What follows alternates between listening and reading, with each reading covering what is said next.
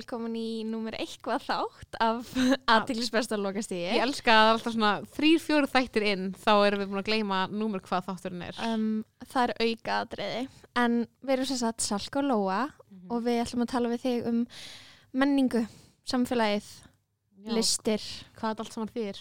lífið og bara setja hlutina í samhengi fyrir þig svona eins og við erum vanar að gera. Já. Og ég hlakka til þáttis í dag út af því að tja, ég fæ að uh, tala um eitt af mínum uppáhalds hlutum sem er uh, kallmenn og alkoholismi og Vá. fíknefna neysla, Nákvæmlega botnhæðun. botnhægðun. Það Þegar- er, Það er uh, botnhægðun, við getum skýrt það þegar við höldum áfram. En já, ég er svo satt umræðumni þáttar þessi dag verða við ætlum að snerta á þessum, þessum stóru viðbyrjum helgarinnar, Óskarinn, söngvakeppnin. Hún var mögnuð. Ó, já, ég horfði söngjöfnina uh, á línulegri dagskrá Já, ég horfði á hana með þjóðinni. hálftíma of seint, Já, sem var fínt þú líka. ert hálftíma svona á eftir þjóðinni. Ég er svolítið þar, sko, ég er að vinna með það. og já, það verða svona helst þessi hlutir og kannski hver veit nema við förum að, band, yfir til bandaríkjana að tala um hana, það sem er í gangi þar. 100%. Við vitum alltaf að bandarísk menning er uh, alls ráðandi á Íslandi Já. því miður. En samt sem aður, hvað voru náttúrulega stór tíðindi í bandarískra menningu í gær þegar í nótt. Þegar Hildi Guðna tók heim Sko, Óskarinn. Já, og líka bara það að asísk mynd hafi unnið bestu mynd og leikstjóra. Þannig að bandarísk menning Já, crumbling. já, vonandi. Íslenskum og asískum áhrifum. You can only hope. Það er það sem við vonum þettir. En, Er íslensk og kóresk áhrif blandið saman ú, í nýja menningarheim. En Klá. ok, ég er sér sett búin að vera að eigða helginni minni svolítið svona í að bingja á sarpinum sem er nýja bingja á Netflix. Ógislega gott. bara, æ, ég er að bingja á sarpinum um, og ég er búin að vera að horfa á Exit sem er þýtt sko sem held ég útrás á Já. íslensku og þannig að ég vissi ekkert hverju ég var að kveikja á og trúðu mér mér var illilega brugðuð Já. þegar að atbyrðarás þáttarins fór á stað. Erstu búin að vera að horfa á þetta líka? Já, ég sko er náttúrulega mikil áhuga kona um norsk sjónvarsefni sko. Ég raunverulega elska NRK Já. sem er norska Þetta er frábær stöð. og bara það að þú veist rúf sé ekki bara að mótela allt sem þau eru að gera út frá því sem þau gera Aha. er uh, þeirra versti galli af því að ég er bara raunverulega þeir eru bara, þau gerir svo mikið af geðveikum þáttum og þessi þættir sko urðu brjálæðislega vinsalegir í Nóri var Exit. strengt alveg brjálæðislega mikið NRK Ok. Exit, af því að þú veist þeir hafa náttúrulega stærst þættir sem NRK hefur gert. Ég held að það sé ennþá skam Ok. það eru bara stærst, þú veist, það er bara vinsastu þættir En svo er ég líka búin að, þar á undan var ég sko að horfa á Twin. Já, sem er líka, sem er það líka NRK og það er með hann Tormund, hann Game of Thrones leikaranum. Og það er, þú veist, það er ekkert eins og Exit. Oh my god, og það er miklu meira svona, þú veist, það er spennu þettir en það er miklu meira feel good. Akkurat. Ok, ok, við ætlum ekki, við ætlum að reyna að tala um Exit að spoila, en ef þú ert búin að ég veit ekki, ok, tö, Það er í rauninni ekkert eitthvað svona það er ekkert sem þú þarft Að gerir svo mikið að helluðu dóti í hverjum einasta þætti að það er Já. varðlanlega spoilerar bara Já. um hversu mikil siðblinda er í gangi að maður Ok, það sem er skemmtilegast eða styrlaðast við þetta er að Exit eru svo byggðir, þetta eru svo átta þættir sem eru komnir inn á sarpin og held að sé öll fyrsta serja og þetta er svo byggða, þetta er svo þættir sem eru byggðir á sönnum sögum úr norsku viðskiptalífi mm -hmm. Og þetta eru svo ógeðslega hlutir. Þetta er bara basically einhverju fjóri vinir sem eru ógeðslega ríkir og svona svo þeirra highs and lows Já, og bara eitthvað svona eða svolítið mikið bara svona hvernig lífstílinn þeirra er. Akkurat, þetta er svona það fellar eiginlega ekkert um vinnuna þeirra. Nei, bara hvernig þeir, þú veist haga sínu lífi, svona vinnu og leik og skilur, hvernig er interaktu við konuna sínar. Akkurat og það er bara, siðblindan er svo mikil það eru allir, bara hver einasti karakter er eins og einhver versta útgáfan af American Psycho já þú veist, þetta minni mig á að strax við ég sá þetta og því að að- þú veist, ég er náttúrulega nýbúin að horfa á Succession mm -hmm. sem er ekki svona gróft en Mhm. þú veist, er einmitt öfga ríkt fólk Já. og bara al, sem þú veist, það reglur eigi ekki við um þau Einmitt. það haga sér veginn bara svona algjörlega út frá sínu eigin uh, viðmiðum og bara og afleggingar þeirra svona gjörða eru engar einhvern veginn skilur út því að það er alltaf bara nóg mikil peningur og peningar eru bara ofar öllu og afleggingarnar eru aldrei neina nema náttúrulega bara þeirra eigin sál er smátt og smátt að splundrast einhvern veginn Einmitt. og þetta minnir mig á hana ég sofði ást mín eftir Andrasnæ hann sem sagt, Andrasnær gaf út svo smásagnasafn fyrir nokkrum árum, eitthvað Mhm. 2016 eða eitthvað, 17 og þar, veist, þar er svona inn á milli eitthvað svona eitthvað svona típisk Andrasnæs skrif sem er eitthvað svona smá náttúruromantík um, hanna verða eða þú veist, hanna eignast batn og eitthvað, tala um það, alls konar.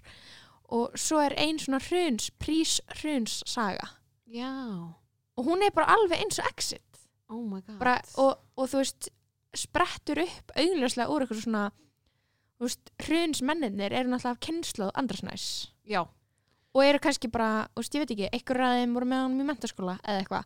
Þannig að hann er eitthvað svona og það er held ég það sem, það sem er styrlaðast við þetta er bara svona staðrindin að þetta er, að þetta er satt skilur við og Mhm. já það er af viðtölum með mitt já, og það er Já, og það eru til skilur þetta er fólk í samfélaginu okkar sem bara svona er ekki, eða þú veist er ekki að haga sér neitt eins og maður, maður elst upp við að maður heldur að maður eigi að haga sér mm -hmm. svo maður geðist er hann að passa sig að gera það og því Einmitt. annars kemst maður í köst við lögin Og Æ, það, það er svo merkilegt því að ég fór svo mikið að hugsa um hver var það það var einhver íslenskur aðtapnumæður sem Mm. mm. bara kom í ljós hann var bara búin að vera að borga dagsektir þegar það var einhver framkvæmdur í húsi sitt og Já. framkvæmdunar fóru einhvern veginn út á gangstjætt og þú veist, þá Mhm. færði þú veist sektir fyrir bara svona svo að legg, leggja einhverjum vinnubíl var eða eitthvað skilur Já. Og hann borgaði bara sektirnar. Og að því að þegar þú ert ríkur þá ertu bara hafin yfir lögin og því að sektir skiptaði ekki máli. Mm -hmm. og ég var svo svipaða tilfinningu þegar að hérna í exit þegar að hann, þú veist, þeir eru bara eitthvað að gangi skrokka á einhverju liði. Já, bara á einhverju svona kókvímu skilur já, já, og labba síðan bara í burtu af því þeir vita að það versta sem getur gerst er að þú þarf að borga einhverja peninga skilur sem, Sem skipta á bara eiga- engu máli. sem þeir eiga nóg af. Já, þannig að það er einhvern veginn afleggingan og alltaf það og líka bara það að treysta á svona brjálæðislega meðirnið fólk skakvart ríku fólki. Já, já, þú veist, treysta á bara að löggan mun koma og hún mun ekki vera þú veist, koma í eins fram við þig og að þú værir einhver hérna, eiturlíða fíkil að götu Osloar, skilur þetta er svo mikið ofbeldi í þessum þáttum sko. Ógislegt ofbeldi og svo mikið bara svona andlegt ofbeldi og svo mikil siðblinda sem, og maður að hugsa svo mikið að allir að kóka svo mikið. Já. maður bara hversu mikið er þessir gæjar? Þegar þeir lifa allir svona saman í einhverju búblu Mhm. og tala saman á einhvern ógislan hátt, skilur mm -hmm. og maður hugsa eitthvað að þessi búbla er bara svona að þróa einhverja svona siðblendingja að þeir eru saman í svona einhverju kallmennsku leik, Mhm. þú veist, kallmennsku samræðum og taka kókain sem Mhm. bara svona raunverulega breyti persónleikana þínum á Mhm. lengu tíma, skilur Mhm. bara hversu mikið er þeir að þróa siðblendingja þú veist, sína á milli. Ég held, einmitt sko eins og einn karakterinn er bara klálega siðblindur -hmm. og bara ófærum að elska. Já, og hinnir tveir finnst mér vera aðeins minni siðblindingar Akkurat, en þeir eru svona þegar þeir eru í þessum aðstæðum þá eru þeir einhvern veginn allt öðri sér því að það, það er svona mikil það er svo mikil verið að búast við því að allir séu kaldir og drullum konuna sínar. -hmm. og þú veist, finnast bara fyndið þegar að einhver er búin að vera eitthvað að ríða vændiskonum eitthvað og kóka atrið nóttina. fyrsta atrið með vændiskonun og nýðin já, það er bara fyrsta atriðið er bara hella því sem þáttum það er bara, þetta er bara hellaðasti opener sem ég hef séð á Já. þætti já, og já, ég veit ekki, þú veist en að mér finnst það áhugavert og þegar maður er eitthvað að pæla í, þú veist, miðskiptinga auðs og maður er eitthvað að pæla í Jeff Bezos og það er þessar kostningar í gangi í bandaríkjanum og þær hafa ykkur leiti snúist um anna, the, one, the Milljarðamæringa. 1% Mhm. og að skatleika þá og svo hafa líka snúist um aðgengi að, að, að uh, heilbæriskerfinu mm og eitthvað þannig og maður er eitthvað svona gleymist stundum í þessu að við erum öll einhvern veginn á sama bát við Mhm. sem eigum mjög lítið og svo þeir sem eiga aðeins meira við erum öll bara einhvern veginn svona sama bát í Mhm. lífinu og svo er bara eitthvað fólk sem á svo ógeðslega mikið penning Ah. sem er bara einhvern veginn er aldrei til umræðu og ábyrð þeirra í samfélaginu er engin og þeir hafa náð einhverju svona guðastatus -hmm. og mér er svo áhugavert að fylgjast með þú veist þeirri botnhægðun líka skilur að bara þú veist, þú átt svo mikið pening að með, þess að þú veist að haga er eins og svo ógeðslegur óbeldismæður já, þá er að einhver leiti er það líka valda klám, eða skilur og þetta minnir mig gett á Wol- Wolf of Wall Street þegar það Já. kom út bara svona, ef þú ert eitthvað ríkur þá er veginn allt sem þú gerir eitthvað svo iconic líka. Út af peningarnir, þú veist einhvern veginn blandast saman við það og þú ert bara svo fucking ósnertanlegur. Já. Einmitt og það er svo mikið valda einmitt víma að vera bara ósnertanlegur fyrir lögunum, bara eins og þegar þeir eru veist, bara eitthvað í- fullir í og kókaðir í einhverjum almenningskarði og bara lemmi eitthvað, par skilur þeir og fara bara, og það er engin það er ekki einu svona neinn svona reyði í því eða skilur, það er ekki einu svona neinn svona það er bara því ég get það Já. Það er bara það, að því ég veit að það versta sem kemur fyrir mig er að löggan tala um mig, ég get sagt að, að manneskjan hafi byrjað átökin að því ég er kallið jakkafötum uh -huh. og fólk býst ekki við þessari hegðun af mér Aha. og ég get komist upp með hvað sem er. Og það sé svo mikið fík. Þetta er bara, þetta anna, lét mig hugsa hvort að, ég hugsaði líka að það væri 100% hægt að gera eins þættu um Ísland. Já, 100% bara sko. íslenskir, einhverju ríkir kallar, bara já, auðvitað þú veist, eru til alveg jafn crazy sögur um þá eitthvað, þú veist, sem eru meira sér í gangi núna, því við erum meira sér bara, þú veist, við erum ennþá alveg í þessu, þú veist. Þetta er svo, þetta er svo úrkynlega þetta er svo, þetta er svo dekadent eða skilur þetta er svo en það er komið svo mikið peninga á milli handana það er svo stutt í eitthvað svona algjöra algjöra svona móralska hnignun skilur já, og út af því að hvernig getur réttlætt líka þú veist þegar fer bara svona alveg í basic pælingarnar út af því að þú veist anna, hvað er að eiga eitthvað nógu mikið pening og hvað er síðan að eiga bara nógu mikið pening til þess að fjármagna íslenska heilbriðiskerfið einmitt. Og, og þú veist, og þú átt hann en þú borgar eiginlega engan skatt af honum út af því að þú veist nýfrálsíka eitthvað síðkapitalismi eitthvað neginn verðlaunar eða þú veist, það er bara svona glöfur í kerfunum skilur og sá sem er ríkastur er sá sem er bestur á að brjóta lögin, svindla, borga ekki og slepp, þú veist, þetta er bara keppni í að vera bestur, ég græða mest. Og maður er bara eitthvað svona að ég veit ekki, ég sem er það sem að samherji, þú veist, gerir. Já, Þú veist, er algjörlega. að bókstala ræna, veist peningum sem að myndi fara í kerfið, uh -huh.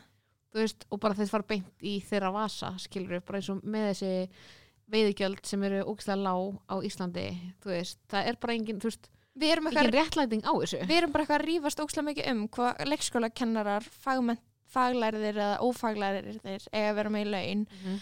meðan að þú veist að skatleggja eitthvað fjóra einstaklinga myndi bara geta borgað þessu laun þangla þeirra starfsæfi líkur eða eitthvað 100%. skilur og þetta er líka, þú veist, þess vegna finnst mér rosalega áhugavert líka að þetta sé fara að snúast um þetta í bandaríkjunum. Út af því að þú veist, ég held að Bernie Sanders sé mjög harður á því að þú veist, skatleggja milljarðamæringa. Mhm. Elizabeth Warren, hún er eitthvað svona meira dipló og þá veit ég strax hverjum ég treysti betur. Já, en hún alltaf samt er eitthvað ferin í ferin í kostningabaratunni í ykkur svona átta út af því að hún kemur út úr Wall Street dæminu 2008 skilur, hún var Einmitt. alveg rótækust þar en já, ég veit það ekki þetta er svo, þetta er svo styrlað og þetta minnir mig á, það var eitthvað svona sá að það var eitthvað að deila á Facebook en að Jónas Sig, sem er Mhm. eitthvað gaur sem var í okkar á milli tónlistamæðurinn, já, já, með Sigmari. Kastljós Sigmari Já. segir eitthvað svona af hverju er ekki bara nóg að vera af hverju þarf þetta að gera eitthvað segi þetta bara með Mhm. hérna pælingu skilur, Mhm. í sem þvætti og eitthvað svona Facebook síðan hann að Íslandingar síðkapitalismans posta screenshot að því og eitthvað veist, og seti það inn á Íslandingar síðkapitalismans af hverju er ekki bara nóg að vera? Og ég bara eitthvað, ég var strax bara eitthvað svona dude, this ain't it. Þú veist þessi hugmynd, þessi pæling að það að þessi bara nóg að vera er svo andkapitalísk.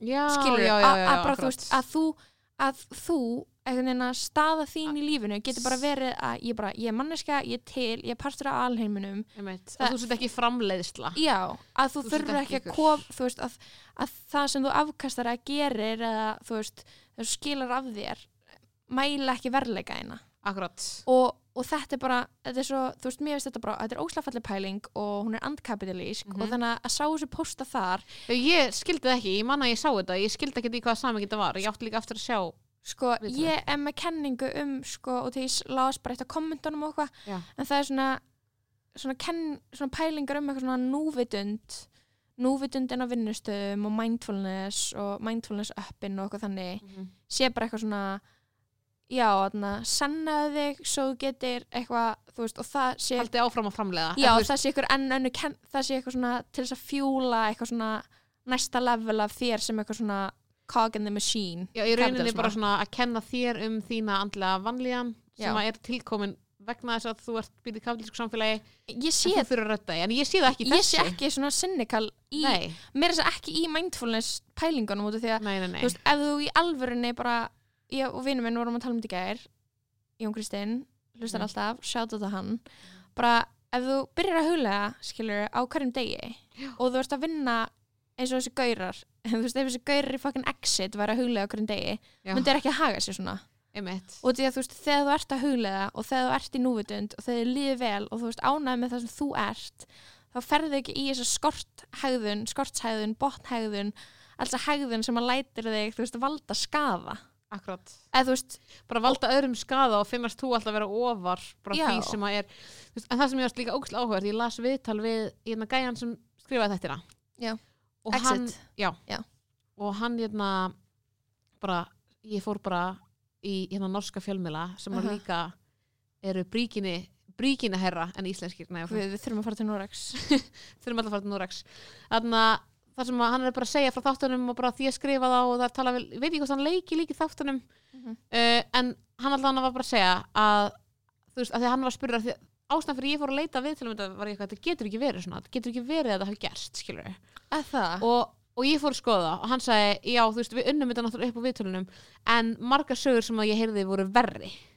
Oh my god. Sagði, þetta er ekki, þetta er alls enga veginn að versta, þú veist, það ég var enga veginn að taka, þú veist að það og dæmin skilurðu? Nei, og svo sendir hann, svo er hann í sambandi við þetta eru nafnlaus viðtöl og svo Mhm. sendir hann uh, á viðmælendina mhm, viðtölin, uh, nei hann sendir handritið að þáttunum mhm, og er bara eitthvað svona, finnst þér þetta þegar hann vildi bara hafa þetta svona nákvæmt í stemningunni sem Mhm, þetta er, þú veist, hann alltaf skrifar þetta er náttúrulega ekki einhver bein samtöl skiljið, þú veist upp úr því sem að, þú veist, þeir, þeir náttúrulega eru bara með einhverja frásögn og hann vinnur einhvern veginn senurnar. Mhm. og þú veist, og það eina sem þeir hefði út á að setja var bara eitthvað, já, við notum ekki svona kreditkort eins og þessari sinni eða eitthvað svona, eitthvað, nei, ég myndi aldrei vera þarna, eitthvað skilur vera þessum stað, oh það var það my eina sem þeir hefði út á að setja ekki þessar helluðu senur þar sem að Oh. hegðunin þessi botnhegðun er bara einhver vippi og þú veist, fólk er veist, að Oh. misnota bara alla í kringum sig. Það var, þeir hefði ekki út á það að setja. Mér varst það svo hellað. Það er hellað.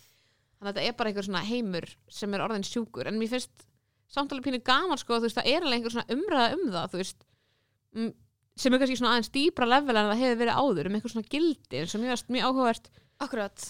Þannig að ég var að horfa á Óskarinn Mhm. og Joaquin, ég get ekki veit ekki hvað það setna Joaquin Joaquin Phoenix. Joaquin Phoenix, Joaquin Phoenix. Joaquin Phoenix eh, vinnur Óskarinn fyrir besta leik Já. í okurnum og er með nýtir sínar mínútur ok, í að vera með ræðu og svona pólitíska ræðu. Já. og það sem ég á skott við þessa ræðu var að hún var einhvern veginn ekki um neitt eitt. Hún var um þessi gildi, þú veist, Akkurat. nákvæmlega þetta hann er að tala um bara, akkur ætti við að vera eitthvað ofar, bara, hann segja öll vandamál heimsins skilur eru tilkomin að við teljum okkur einhvern veginn vera ofar einhver annari tegund eða öðrum kynþætti eða öðru kyni. Mhm, þú veist, og um leiðum komin þangað þá erum við bara búin að missa sjónar á okkar gildum mhm, hvað við getum gert úrslega vel sem manneskjur. Mhm.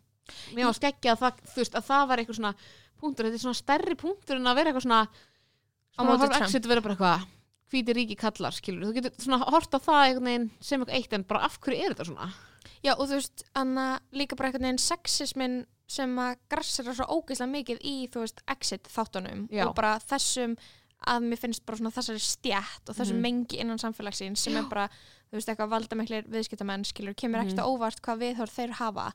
En það sem ég fór líka að geta að hugsa er bara eitthvað svona sjónvarsefni, radikalæsa þér fólk eða, þú veist, er þetta, veist, er þetta einhvern hátt líka eitthvað glorifying, skilur, eins og Já, með já, já. Succession og ég er bara eitthvað út af því að þú veist, fyrir mér þá, þú veist, þetta- hjá mér fjúlar þetta, þú veist, þetta veitir bensin í eitthvað svona heimsmynd sem ég hef já, sem er, og, og bara staðfistir hana og er bara, já, megum ekki gleyma að þú veist, sama hversu góð þú reynir að vera salka Mhm. og hversu vel þú reynir að hafa þér í þínu lífi þá er fólk sem að á ógeðslega mikið penning og fylgir Mhm. engum lögum. Mhm. og þú, og þú veist, samt er einhvern veginn samvisku byttið ábyrðin á þér að laga vandan einmitt, og afleðingarnar er einhvern veginn aldrei á þeim. Nei, 100% ekki. Einmitt, væri það, þú veist, þá eftir svona verðt fyrir einhverja, þú veist, að horfa á þessu þætti og hugsa bara, þessu gauður komast við með allt, skilur, mm veist.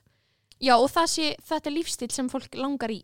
Já, En þú veist, út því að ef að fólk er hana, Bojack áhörundur like Mhm. me, skilur ég er búin að fylgja Bojack bara hérna alla þætti, Bojack alla Horseman, bara bestu teiknumyndaseríur, bara bestu, með bestu bara þáttum sem ég séð á æðum minni, sko. Já, veist, ég er alveg bara, ég er á Bojack vagninum, sko, og, mér, Mhm. og til mér finnst þetta ekki bara fyndið, þetta er eitthvað annað. Nei, en mér finnst þetta, sko, stundum ekkert fyndið, Já, stundum er ég að horfa á stundum þetta. eru bara þrýr þættir og ég er í þunglindiskasti Já, og það var, það var svo áhugavert að í kjölfar, út af því að Bojack veist, er aðalpersonan og hann er ömulegur, valdamikill, ríkur alki Mhm.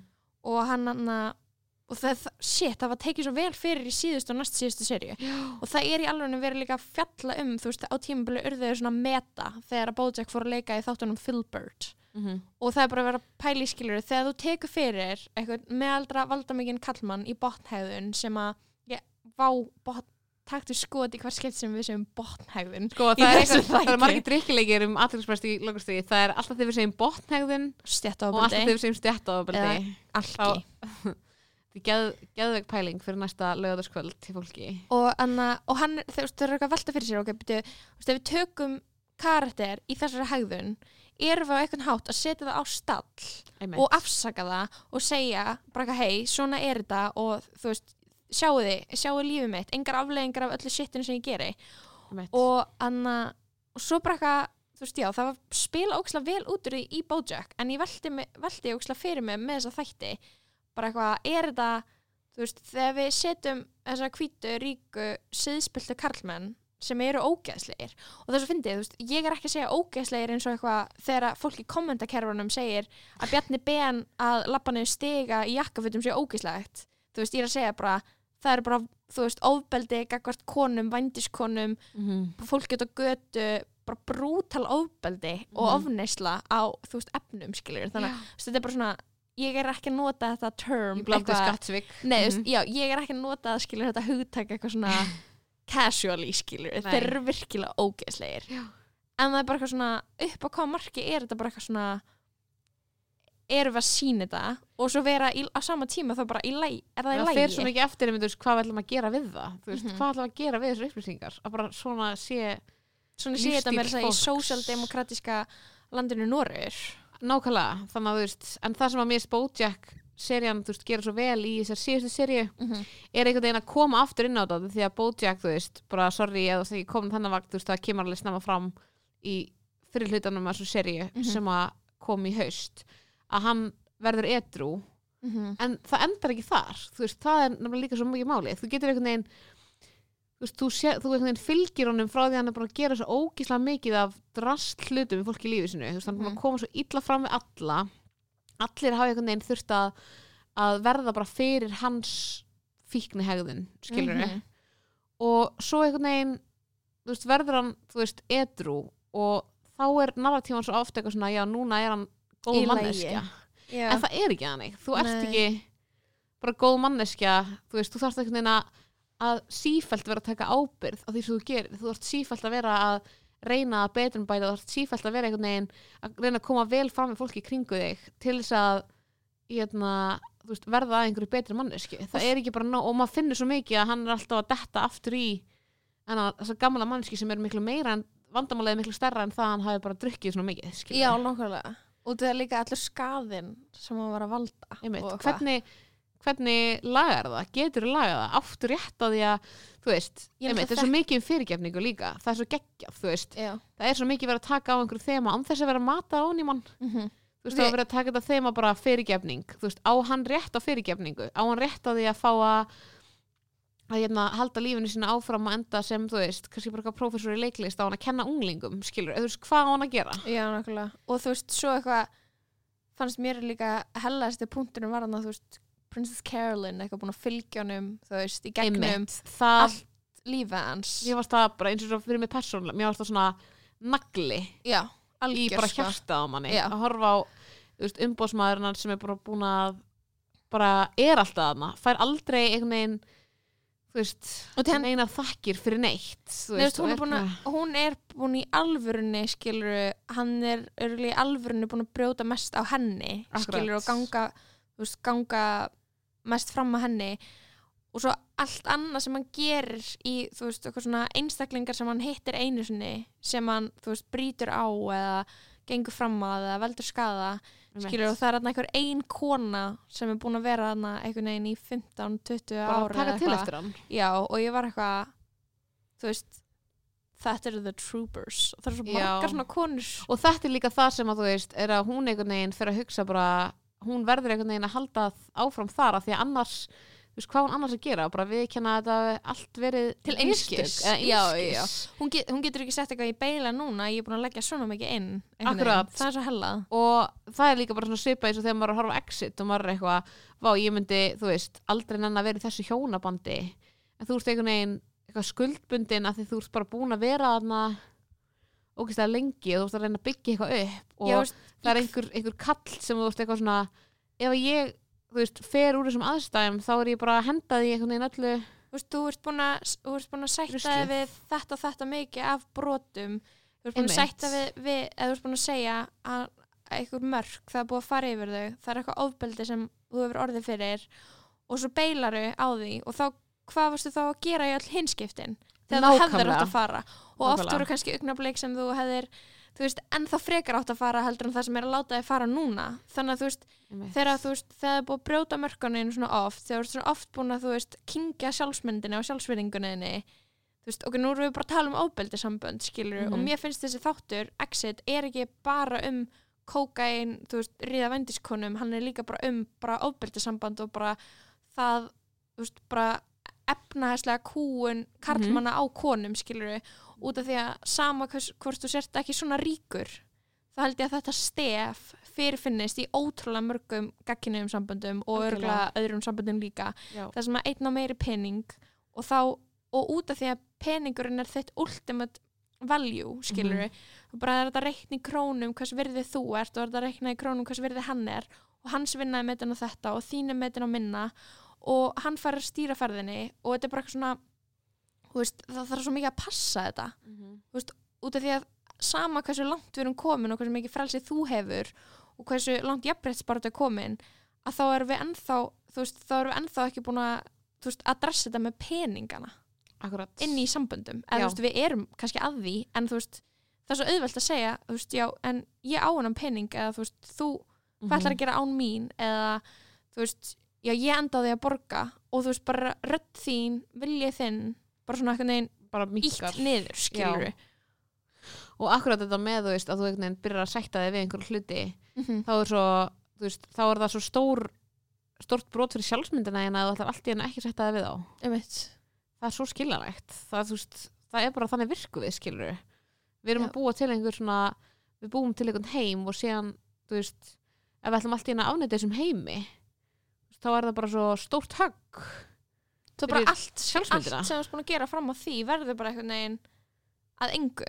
Einmitt. skilur nema og þú sért náttúrulega bara þú veist, búin að bara fara í gegnum eitthvað svona gæðið mikla vinnu með eitthvað um sjálf, sjálfræðingi eða eitthvað skilur það er bara eitthvað þú veist, því lengur sem þú býður með að fara því verra er þetta skilur Einmitt. en ég veit ekki. Og það gerist líka einhvern veginn, þú veist, þetta er bæði í Bojack og Exit, þú veist, líka bara hjá þeim sjálfum eins og hjá Bojack, þú veist að hann fyrir í einhverja vörn, mm þú veist, gagvart því sem hann hefur sjálfur gert. Einmitt.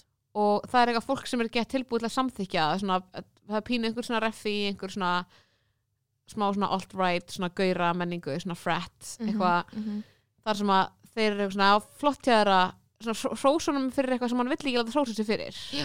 Og, cap, og svo bjóða hann að capitalize á því að vera douchebag. Já, einmitt, og þá er það eitthvað svona maður sér einhvern veginn hvernig það getur vist góðu kostur. Að það eða að hafna, þú veist, svolítið sjálfið þér eins og þú hefur verið alltaf. Mm -hmm.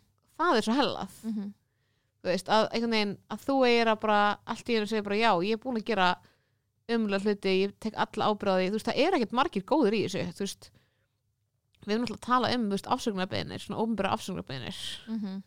og þú veist það er ekkert sjálfsagt einhvern veginn að gera þetta á einhvern heðan hátt sko. mm -hmm. en þetta eru klikk þetta er klikkað þættir Exit og Bojack Horseman sko. mér finnst þetta bara þetta er gott sjónvarsefni sko. Já, þetta þegar líka það dílar ókslega mikið við bara já, þetta dílar einhvern veginn við það á hvað stað samfélagi okkar er á okkur gett skáfulan hátt þetta er líka, ok, þú veist hver er ultimately að þú veist hver er svona skadvaldar í samfélaginu? Hvað, þú veist, það er egomanns það er, er alkoholismi, það er brotna sjálfsmyndir. Það er, þú veist, það er bara einhvern veginn rót þannig að allra, allra glæpa eða skilur allt Einmitt. sem gerist sem er fókt er út af því að einhver, einhver með brotna sjálfsmynd ofbeldi í fjölskyldinni og einhver, þú veist, einhvern alkoholism og fík eða þú veist já, ég veit ekki, þetta er örgulega ofur einföldun en skilur, þetta er bara svona í grunninn bara þarna kemur sársökin Mhm. en talandi um sko þetta svona, þú veist, ég fór að hugsa um Ísland og bara svona Mhm. hvað það veri þú veist, 100% til svona svona klikkaða sögur mm -hmm. af einhverjum íslenskum fjármálamönnum skilur Mm og svo er maður bara eitthvað svo ég bara, horfði ég á söngukeppnina á laugardaginn og bara það fyrsta sem gerist er að Bjarni Ben er að spila píanó. Svona einhvern veginn holdgerfingur þess alls. Algjörgur þess alls. Er að spila á píanó, ekki eins og spila því þetta er ekki live hljóðfarleikur hann er að Eh, mæma píano undirleik mæma píanó undir leik og Katrin Jakobs eitthvað á saxofón og Lili Alfreds á trommur mm í einhvers konar furðulegu opnunaratriði söngvakeppninar ég, þegar ég held ég fengi frið í eitt kvöld Salka, mér langar að ringi lögfræðing Já. ok, þú veist, ef þú horfður ekki að sönga keppna þá var þetta svona upphafsatrið þetta er bara, keppnin er að byrja Mhm. og það er bara langt og lang dreigið píano skot Já. Bjarni Beðan, fjármálráðra í, hérna, í bara spotlighti í jakkafutum, bara með camera time þetta er auðvitað bara já, mesta áhorfið á þessum sem rúf fær er Mhm. þessu keppnir það sittast allir niður að horfa og ég bara eitthvað, lesa það er að vera að kýla mig. Já ég er bara svona í magan ég er bara sting, er þetta er þetta í lægi Mhm. að fjölmiðl ákveði að sína einn pólitíkus, já, og svo bættist Kata Jak og Sax og Lilja Alfreðs á trommur. Nei, mér langaði að deyja. Og já, ok, einn úr hverjum flokki einn úr hverjum ríkistjórnarflokki ég bara, ok, sorry, en má sína pólitíkus að ég svona geðt jákvæðu ljósi? Þú veist sorry, en hvað er í gangi? Þú veist, ég veit ekki, ég held að þú veist, það hafa alveg oft verið gert sko í fortíðinu, þess að ég get alveg ímynda mér eitthvað Davíð Oddsson í sömu aðstæðum bara mjög oft í Mhm, sjónvasefni mhm. þú veist, eitthvað 80s, 90s skilur Mm af því að það, þá var stemningin svona svolítið þannig, en það er bara svona mjög það er eitthvað svo gallsúrt við að gera það á einhverjum tíma sem er bara eitthvað mjög mikil gaggríni vegna þess að það er bara endur þykir verið að vísa einhverjum börnum úr landi skilur og þau ætla einhvern veginn að koma þarna inn og, og koma þú veist, inn í eitthvað light-hearted eitthvað söngvakeppnis atriði sem að, þú veist það sem, sem á að vera ópolítíst sem á að vera ópolítist einmitt, og og svo talandi verður um það ekki, þú tókst og það af okkur. um það, þú, þú tókst það af okkur með því að setja Bjarnar Ben á píanóið, þá bara instantly þá var ég bara, nei, sorry ég ætla ekki að vera brainwashed wait a minute, hvað? skarpíðin hérna, hvað heitir hann? Innan sjónvarstjóri, Já, þú veist það í fyrra, þá bara átti það að taka það algjörlega af af öllum, að Eurovision væri á nokkun hátt pólitíst uh að þetta væri svo ógislega mikil saminningar keppni já, út af því að þetta var haldið í Ísrael. Að þetta var það haldið í mátti Ísrael. ekki vera pólitískur. En svo setur fjármálar á þeirra já, þetta er call out á Skarpíðin Guðmundsson sem á, er mannskjan sem að kom í, þú veist, alla fjölumil að vera bara, þetta er söngvakeppni, þetta er algjörlega ópolítisku vettvangur, þetta snýst um menningu, þetta snýst um tónlist. Sorry, en strax þú setur þrjá ráþeira í ríkistjórn fórsetisráþeira, fjármálaráþeira og ég veit ekki, mentamálaráþeira og gerir þá að hluta þessari keppni? já, bara setur bara, sko, í, í sko þeir voru eins og stjörnur.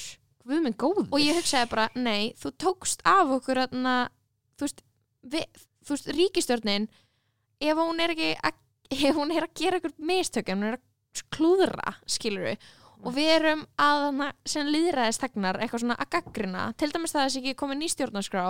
Akkurat. Og við erum að tala um við viljum, þú veist anna, við erum að tala um heilbreyðiskerfið, við erum að tala um skattamál, við erum að tala um samher samherja.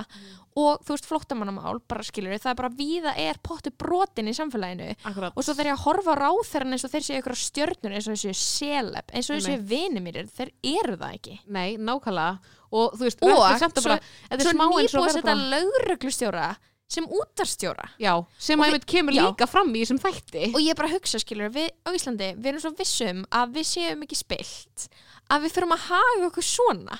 Akkurat. Og þetta er bara kortir í ykkur populíska skilur er bara stjórn. ítals, Það sem- ítals sjónvarp Já, bara, veist, það bara sem að ráðamenn landsins eru bara einhverja skemmtifíkur sem að við fáum að njóta svona eins og afþyringaefnis bara Akkurat. nei, nei, nei, nei. Það er ekki bóðið, þetta, sko. þetta er bara sko þetta er bara þetta lætur líðra ekki fungera Nei, þú ætlar að hafa þetta svona. 100%.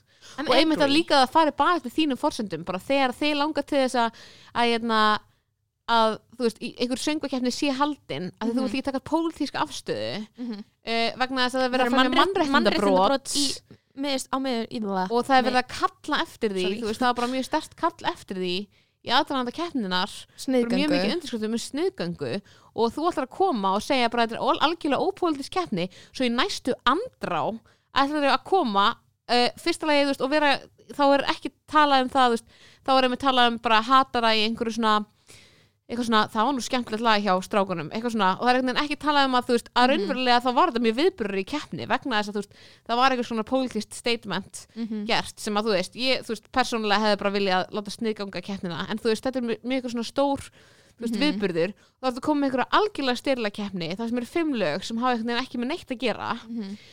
er Mhm.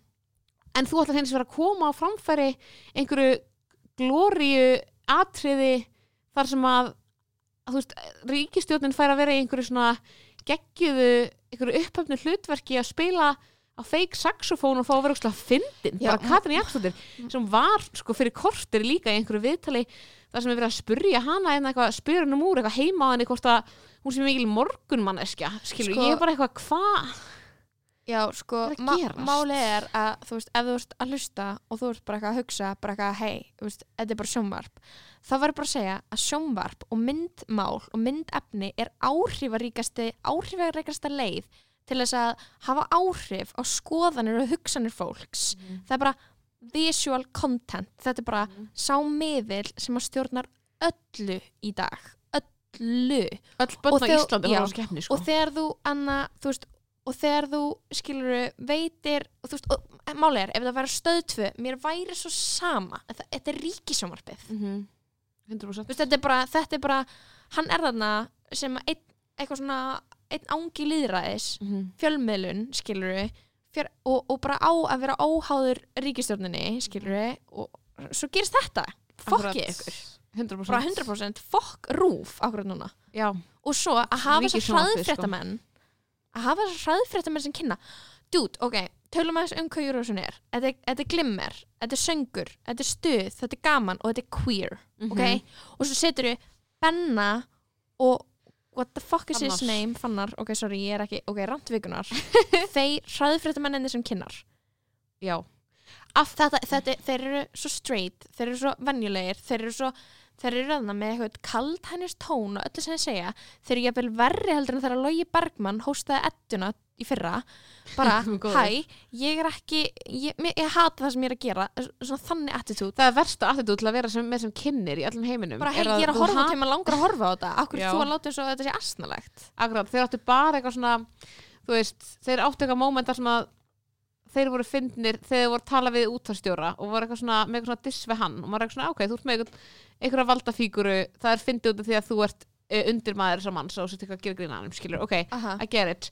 Þar var þetta að virka, en í öðru leiti það var bara kaldhæðnis approachið bara ekkert að virka. Sko þegar að- sko, af hverju eru þið tveir og Björg Magnúsdóttir? Ég Björk er miklu betri. Hversu mörgir kynna þeirra að vera í Ok, sko, þegar að Bjarni er að spila píanóið og Benni hraðfittamæður lappar inn og þeir eru tveir mennana í jakkafutum að syngja. Góður. ég var bara, ég var bara hennar, ég var bara ég var bara ég þurfti að fara undir teppi og svo eitthvað, eru þeir eitthvað að grínast og ég er eitthvað, þið eru svo stark kontrast við gli, glimmerið og stuðið og fjörið og hressleikan og bara allt er gaman og sjó. Og þeir eru bara hérna ok, þetta er, wait for it. stjættaðabeldi ég ég að segja það. stjættaofbeldi ég hugsaði, ég hugsaði bara hvað er ég að komin á eitthvað fund hjá Arjón banka? Þegar að það er líka algjör að þeir sem að, þeir sem að halda þeir sem að skipuleika þessi keppni já, og ákveða hver eru kynnar þeir eru þeir sem ákveða bara hvernig þessi keppni á að líta út. Já. þannig að allt í henni vilti að hún líti út eins og þú veist Bjarni Ben og hann Benni eða Fannar úr sáðfréttum vilti hún líti þannig út, er það málið þú veist, það er svona, er engin skilningur á myndmálið þarna. Veistu hvað við, bara setja eitthvað skemmtilegan og hressan og fjörugan og sætan og bara eitthvað típu eins og Kid Ísak skilur og Einmitt. Björg að taka viðtölu við þau, það var frábært. Björg er hress, Björg er opin Björg er næs, skilur hún er jákvæð, hún er skemmtileg. Og strákanir eru bara ég hérna allt sem ég er segi, allt þú sem ég segi er sem þú, hana kúkurinn og maður eitthvað gauð. Fáið bara fólk, þau sem ætlaðu að koma að taka podcast en leifðu, en við, að því við vorum ekki búin að panta rýmið til, að- til að gera þetta podcast. Þannig að við uh, Gógó þurftum og að Jenny Purr Gogo- Gogo Star og Jenny Purr um að koma aftur eftir klukkutíma.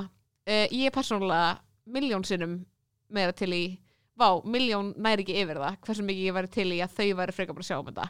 Skilur, ég er bara svona fáið eitthvað sem getur verið að skipta um búninga verið skemmtilegur í einu sekundu í alvörunni, Savage getur verið með búningaskipti? Oh, ég, hafið séð þessa keppni? Eru að vera úrslega leðilegar er Nei, við erum eru með passion, ég er með ástriði fyrir þessa keppni. Úst, Málið er að ég að segja þetta með þess að sem heitir á þessu keppni Mér stunum leðileg. Þess vegna myndi ég aldrei beðið um að vera að hósta. Eða skilur, ég var aldrei eitthvað, ég geti gert þetta. Þú veist, Þegar ég er svona eins og þeir bara, þú veist, þessa allt skilur Og þá Akkurat. bara vera eitthvað skemmtilegur. Ég veit bara, það er til hólf fyrir alla. Þetta, Og þetta var ekki þeirra hólf. Nei. Þeir voru, veist, þeir að fyrir neðan, hæðinni fyrir neðan Að kynna einhvern íþróttaviðburð ég er umlega elsku þessi keppni þannig að þú veist, í, í, mínar svona pólitísku skoðunar af henni eru bara ígrundar og þú veist, faldan í því að bara þegar ég vildi að þú veist, rúmandi sniðganga þessi keppni þá var það bara missir fyrir mig persónulega skilur ég var bara, ég er ekki að fara að horfa á Eurovision og mér er að fara að finnst það leðalegt skilur Mhm, mhm. og það er a real sacrifice En ok, getur við talað um atriðin og því að ég var 50% ána með neðustöðu kvöldsins. Við sáum Ísold og Helgu held ég komast áfram hana, með lag sem var skemmtilegt. Mhm. Ég var að segja þær verða að fá betri stílista Mhm. og út af því að þú veist, söngurinn var negla. Það var best flutta Mhm. lagið, skilur. ég er, alltaf, ég er um. tím Elisabeth Ormslev sko Já, hún, já, en þú veist, hún neldi ekki, hún neldi ekki flutningin. mér Þú fannst þú gera það sko, máli er að Mér fannst hún bara hafa oft sungið svo miklu, miklu betur. Já, ég var ekki að þú varst ekki, röddin var ekki að píka í þessum flutningi. já, Ég já, ef hún er vinkona einn, skilur, ég get sagt þetta sem, þú veist, ekki vinkona, skilur, disclaimer. algjörlega og ekki, líka, hún er vinkona einn, eða ekki? jú, jú, klálega Já, ok. það sem ég líka segja er en það sem ég líka með eitt um Eurovision af því ég hef um, verið það, þegar Ástismarja, vinkonu mín tók þátt í Eurovision árið 2014 eða eitthvað Mm -hmm. Þá hérna, fylgdi ég henni eftir hvert fótmál sem hennar sérlegur stuðningsmaður og Mhm. titlaði mig eitthvað til þess að fá að vera bara alltaf með Mm um, og þá tók ég sem ekki eftir að þegar þú ert í salnum -hmm.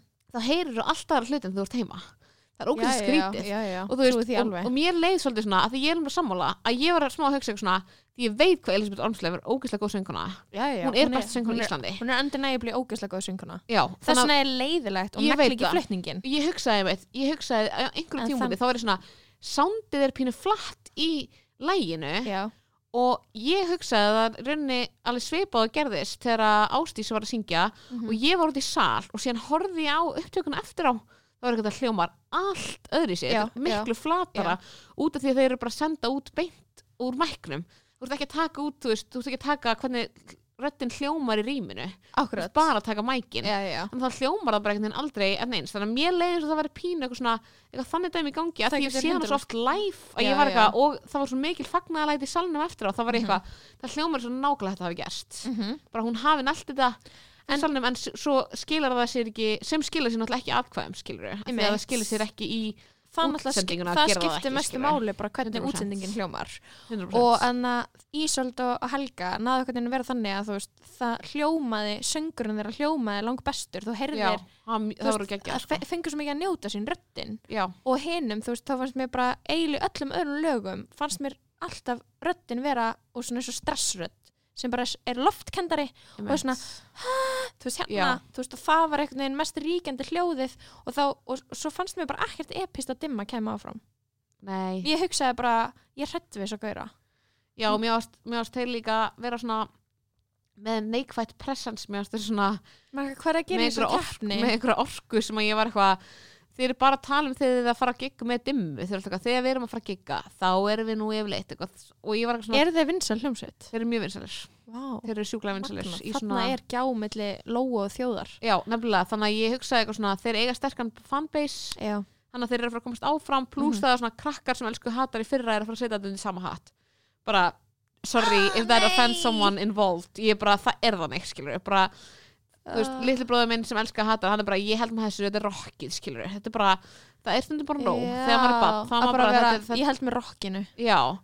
Hann að, hérna, en ég er sammála, sko. Ég hefði, málið er persónuleika wise, hefði ég viljað fá Kit Isaac áfram. Já, 100% Kit Isaac er með eitthvað þing þar sem hann hlær og eftir öll sem hann segir. Já, og, það, er svo lovable og það er svo gaman og maður er bara, ég vil Já. hafa þig á skjánum hann var ekki með nóg gott lag en og mér varst líka öll atriðin sem að ég er eitthvað svona líka enn og aftur að bleima, bleima ég ríkisjónarspið fyrir flesta sem aflega fyrr í mín lífi. þau voru low budget atrið já, ég var bara, hvað hva er þetta svið? það er enginn að nota. Það. er eitthvað svið, það er bara eitthvað skjár og bara eitthvað ljóta súlur er dansarnir að koma alltaf inn eftir eitthvað eina mínútu. Akkurat, og bara alltaf það sama gerast og einhver að ráðleggja stelpu sé- sem að gegja en að Brynja hún er með eitthvað outfit change eftir tíu sekundur. Ég er bara eitthvað, akkur er þetta outfit change ef að þú ætla bara að Vera í gera það strax? Já, vá, ég veit það. Ah, svo mikið af stemmari ah, sviðs höfundar Nei, þú veist, bara eitt með skilur glimmer stílisýninguna á Ísold og er ég búin, ég heitir hún örgulega Helga? Ísold og Málega er ég bara man eftir Ísold og þegar með mér í kór og ég er bara að reyna að muna hvað hinn Ísold og Helga, Já, Ísold og you Helga. got this. Þær voru klukkan tífar þannig að pælir í því hversu oft hefur þessi tvær gellur saman taka atriði sem vinkonur eitthvað duett sem er ekki kon og kall eða jafnvel, þú veist þú veist, stelpur. Mhm. meðan það svo gott anna, það er mjög skemmtilega dýnamík. Það er ég mjög er til í, skemmtileg dýna- ég er dýnamík til sem í svona- fyrir úrslitin. Er ég sjúk í samt aðra kóreografi já, Já, það er ekki tengdar á sviðinu, skilur Ég var Nei. bara eitthvað svona, þeir eru tengdar í viðtalinu Þeir eru að spjalla saman, þeir eru bara budu og þeir eru að harmonisera já, og vera ókslega ferskar eitthvað og maður fær ekki að tilfinningu og það er gaman ykkur þegar að æfa og það er ókslega næs. Já. Það þurfti, það vantaði að það sæði og sviðinu sko. betri outfit. Já, Be Þetta öðruvísi glimmir dæmi. Þetta passa ekki á þær. Nei, Þetta, passa, þetta var var var já, þú veist þær þurfa betri stílista mm -hmm. og þá eru þær bara þá eru þær bara up there sko Akkurat og líka bara smá hot eitthvað svona vinkonu gælu vibes söngur saman skilur Mhm. mér finnst það bara ógslag powerful ég er bara gett til í að við sendum það representation út Einmitt, það er bara skemmtilegt sko er það ekki? Svo eigum við náttúrulega eftir að sjá hinn hlutan af þessu sko Er þetta, er þetta ekki bara tvær keppnir eða er þetta þrjár keppnir? Bara tvær Og eru bara fjögur þá að keppa í loka kvöldinu? Af hverju er þetta Nei, það eru eitthvað fimm. lítið? Það eru fimm og svo er wildcard Oh my god Svo dómaraval sem fyrir áfram og Ætli ég að ætli giska á það það verði fyrir Brynja Elísabet Marie? Ormslöf sko. Eða Elisabeth Orslef, já sko, úr því sem er komið þá er ég bara Elísabet Já. Ormslöf En hvað með hana, þú veist, Lilluna? Hvað er það? Brynja Marí, hún er svona lítil, skilur hún geti fengið eitthvað svona, hún er svo lítil, það er svo magnað skilur Hún er svo lítil og það er svo magna Hversu lítil er hún? ung, hún er bara mjög ung ég veit bara að heimsbyðin ef það er eitthvað sem við elskum meira heldur en að ógeðslega ríkir menn sem beita óbeldi þá er það ungar stelpur. konur með hæfileika. Já, Það er satt sko. Já, ég held að þetta var ekki alveg náttúrulega eftir atriði tölum bara sko. um Billie Eilish á Óskarnum. Vá, ég er bara, ég er off the Billie Eilish wagon og ég er bara tilbúin að láta hann steipast fram að kleppi Ég var aldrei á honum nema bara svona fyrir það að hún er bara unglingur. Það er svo fyndið, maður bara hún kemur Hún er eitthvað svo mikið eitthvað, industry "Þú ert svo mikið plant." Unglingur." hún og Lil Nas X eru industry plants sem er bara, En ég, ég elska allt sem að Lil Nas X kemur þá með er hann bara það curated for you. Hann er bara að það. virka veist, allt sem að veist, Billie Eilish er bara eitthvað hún var í svona Chanel baggy suit og ég var bara hættu með grænt hár. Og svo var hann alltaf bara með eitthvað, eitthvað fílu svipi á, á Óskarnum Hún er alltaf ég, með fílusvip af því hún er mestu unglingur sem til er. Það er bara svo fyndið. en þú veist, ég var að tala um þetta tók alveg svona geðið langt spjall eitthvað um Billie Eilish við Jóa um daginn. Og er eitthvað svona um, af hverju textanir hennar er um kynlíf en hún haga sér eins og úlingur og Er textan hann um kynlíf? já, textanir er eitthvað make your en að, æ, þú veist, Bad eins og bad guy Já, já, textanir já. eru svona eitthvað bara eitthvað might seduce your dad type skilur, hún Já, er 16 ára og bara eitthvað Bruce is on my knees eitthvað svona, Mhm. Já, já. og máli er þetta, þetta er hana á svona landamærunum með þess að vera creepy, skilur Mhm, mhm. og creepy að hún sé ung að segja það en Já. þú veist og Jói með eitthvað pælinga bara svona þetta er bara það sem við þurfum við þurfum alltaf að hlutinni séu smá off líka veist það er bara eitthvað, það virka fyrir okkur þegar það er skrítið element í því og hún er svo mikið þannig, hún er svona eitthvað úlingur, semmi en langi bara að vera heima í Sims mm. bara klætt bara svona, hún er algjör e-girl hún er bara eitthvað með grænt Nice. hár eitthvað, ó, hún hún er bara eitthvað ég vil ekki neitt, ó, hérna Mm. skilur en samt að, þú veist, syngjum um eitthvað lög eins og hún sé bara eitthvað að fara að sedúsa pappaðinn sem er gett eitthvað svona það er það sem fullorna konu gera já, skilur, það er það sem hún gerir þegar þú ert ekki lengur underage einmitt. þú veist, þú reynir ekki að ríða pappa eitthvað þegar þú ert 15 ára það er ofbeldi einmitt. skilur, og maður er eitthvað svona hvað, af hverju fílum við þetta svona mikið af hverju viljum við hafa þarna eitthvað svona weirdo porno twist, skilur Sko, mér finnst eitthvað skemmtilegt við bara svona fagufræðina í þessum stjörnum sem eru geðat stóra núna. Bara svona Mhm. Billie Eilish, Lil Nas X og Lizzo mm -hmm. sem er eitthvað svona spooky eitthvað fyndin, þú veist, svona off othered fagufræði. Bara svona, það að Lil Nas X er eitthvað svartur samkynniði kallmaður Mhm. sem er ógislega, lítur ógislega ungur út hann er Mhm. ógislega svona lúðalegur, fattar ég og hann er alltaf kú- glimmer kúregafötum og svo eru svona margt sem hann gerir eitthvað svona fagafræðin, eitthvað svona spooky svona pínu Billie Eilishleg, eitthvað svona Mhm. leður eitthvað svart leður kúregahattur þetta er bara það sem er tísku Já, ég veit það, þú veist, ég er að segja, þú veist mér finnst eitthvað pínu skemmtilegt við að þetta sé það sem er í tísku hjá stjörnum já, klálega. Að þetta sé eitthvað þengi það er svona pínu svona cheap einhver hrekkjavögu búðar mm Stemning. þetta er campy.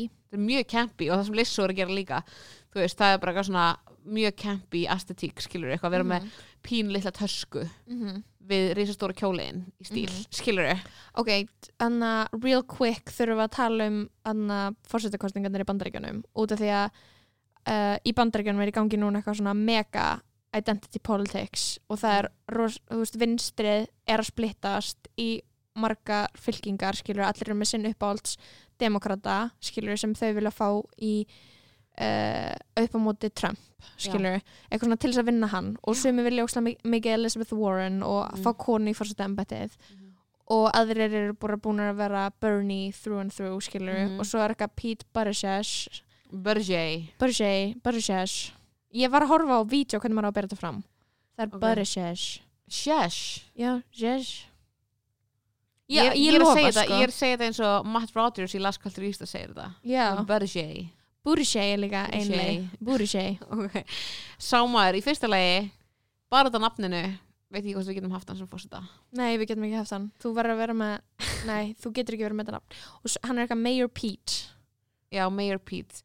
Málið er bara að það sem er svo ah, þú veist, þetta er svo erfið umræða því að, meit, vinstri er alltaf að splittast upp í einhverja miljón einingar sem að geta síðan ekki, þú veist, samanest um neitt Mað- og það er bara, þú veist, ógæslega erfitt að því að þú veist, og Elizabeth Warren og, og Bernie Sanders voru bara svona mjög miklir, þú veist, fellar og þú veist, vonandi er það ennþá, skilur en það er bara svona búið að vera svo mikil þú veist, einmitt, bara fylgjendur þeirra taka náttúrulega svolítið á eitthvað svona level þar sem að þú getur ekki stutt annað ef þú stuðir hitt. Sem er ekkert rétt, skilur þú veist, ég held þú veist, líka bara það þú veist, sá sem færi þessa demokratísku tilnefningu skilur þessa demokrataflokks tilnefningu við þurfum við, vá láta eins og ég sé eina sekundi með einhvers konar áhrif í bandaríkjunum eins og kostningarétt mm -hmm. þannig að þá þarf fólk bara að þú veist, fylgjast sér á bakvið þá mannesku. Það sem að mér veist bara svo geðveikt áhugavert við þess að Bernie Sanders reyfingu er hversu mikil reyfing þetta er. Þú veist, mér finnst með Elizabeth Warren, þú veist, þá er ég bara svona svolítið aftur að fá, veist, Hillary Clinton væpið sem er eitthvað svona að mm þó að Elizabeth Warren, veist, mér líst klálega miklu betur á hann en Hillary Clinton, af því að Hillary Mhm. Clinton frá upphafi þá ég, ok, þú veist, stríslepa maður, ég ætla ekki, Mhm. þú veist mér er alveg saman þó, þú sér kona, skilur Mhm, mhm. hérna um, en þú veist, það er svona klálega bara eitthvað svona það sem er áhugavert er að slókanu hjá Bernie Sanders er not me us og það er rosalega svona veist, það er rosalega áþreifanlegt í þessari kostingabaratu mhm, að það er rosalega mikið ólíku fólki sem fylgir sér bakveðan mhm. og hann er einhvern veginn að búa til hreyfingu frekar en eitthvað svona persónu Mhm, þú veist, per, svona ímynd, ímyndar frekar en í ímyndarsköpun sem er alltaf sem að svona rosalega mikil ímynd þú veist, mhm, mhm. ég er ríkur, ég er successful, ég er milljónamæringur bandaríkin verða eins og ég.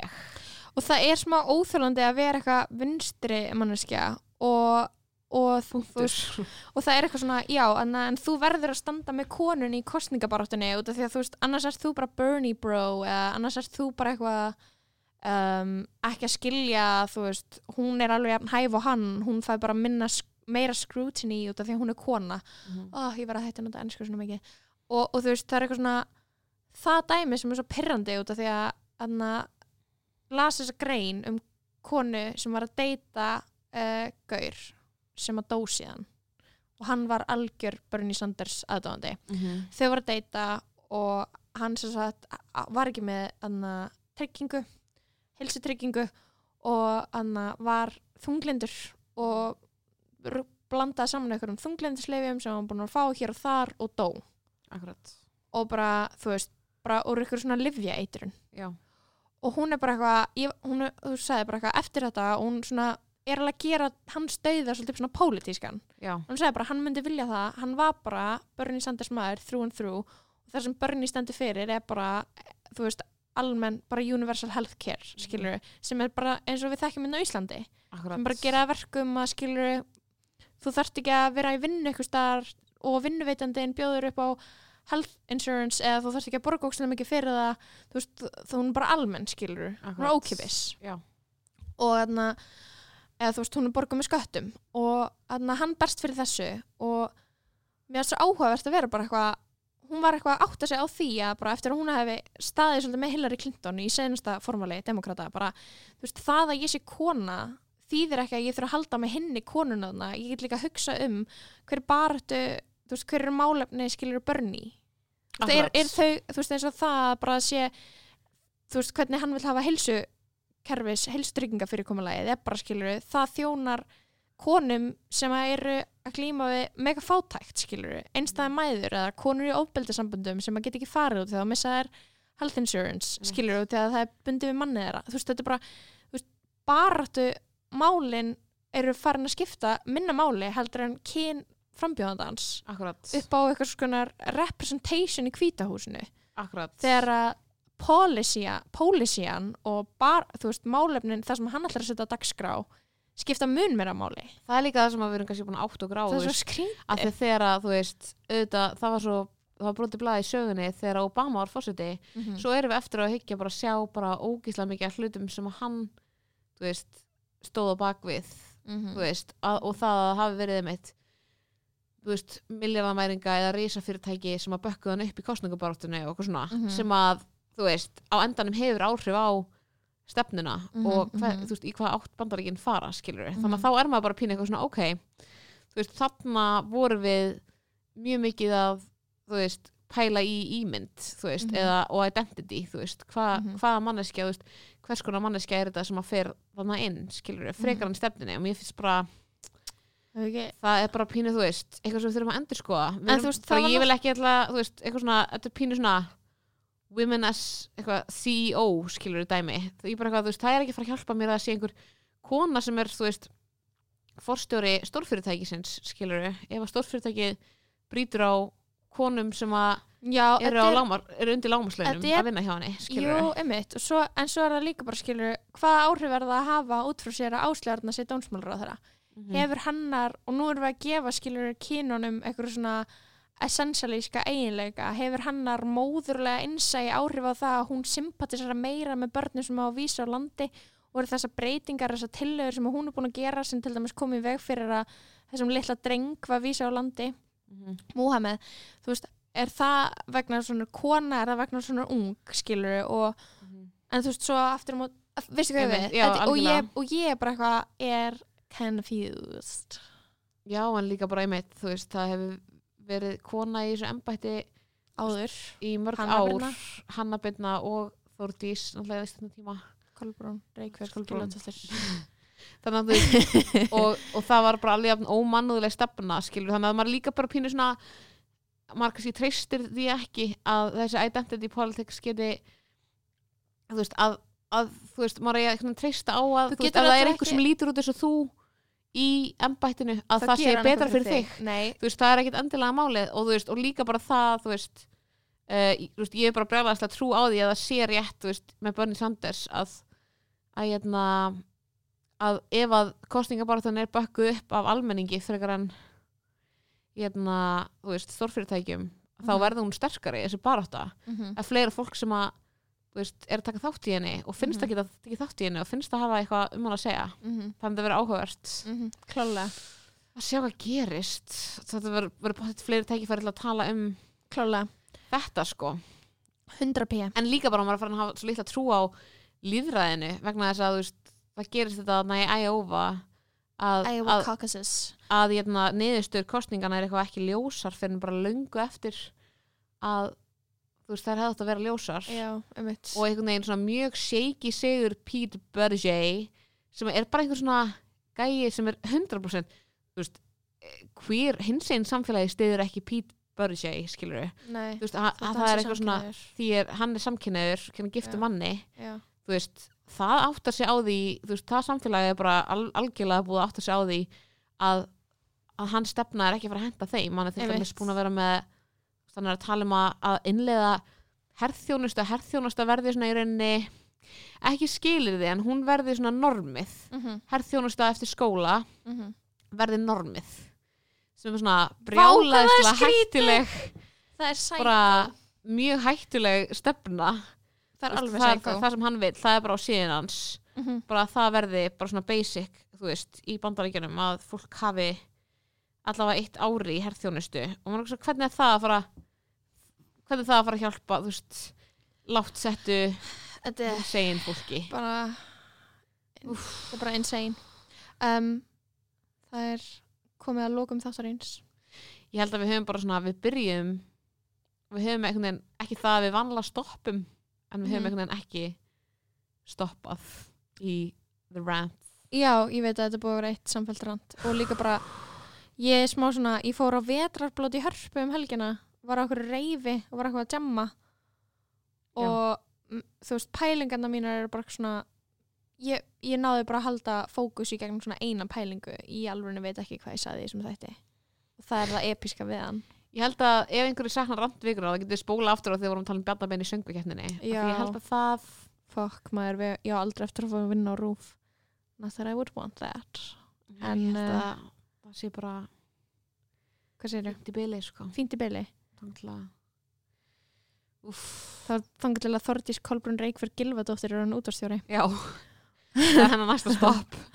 Hver er veit, hver veit í þessu samfélagi það sem allt getur allt lauruglustjóri er gerst. útvarpsstjóri og Bjarni Ben spila á píano í veist Við þurfum að passa okkur, sko. sparka í klófið á mér ég vil fá það formulega sem ófætt barn mitt er að reyna að koma inn í þetta Hvern- samfélag á næstu vikum Hvernig- hvað á ég að gera? hvernig hefur ófætta barnið það? Ég bara ekki gott, ég ætla að flytja þess Eh, ekki, hvað er langt til að kemur?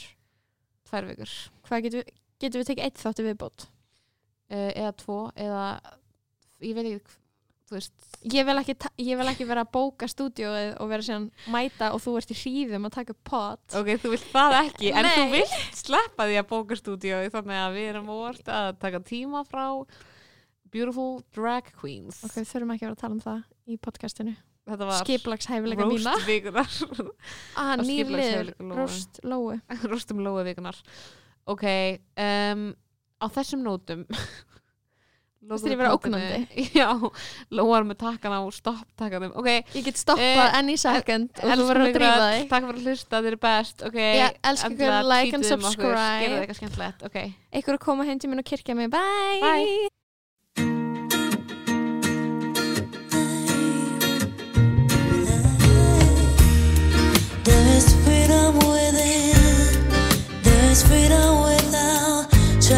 stays in a paper cup. There's a battle ahead, many battles are lost, but you never see the end of the road while you try.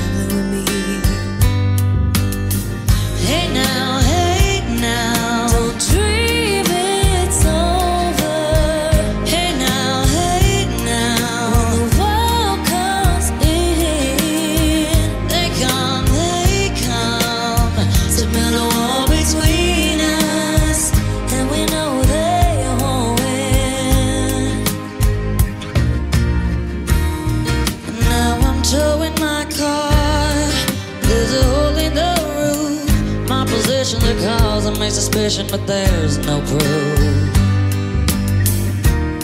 And in the paper today, it tells of horrend of ways, but you turn right over to the TV page.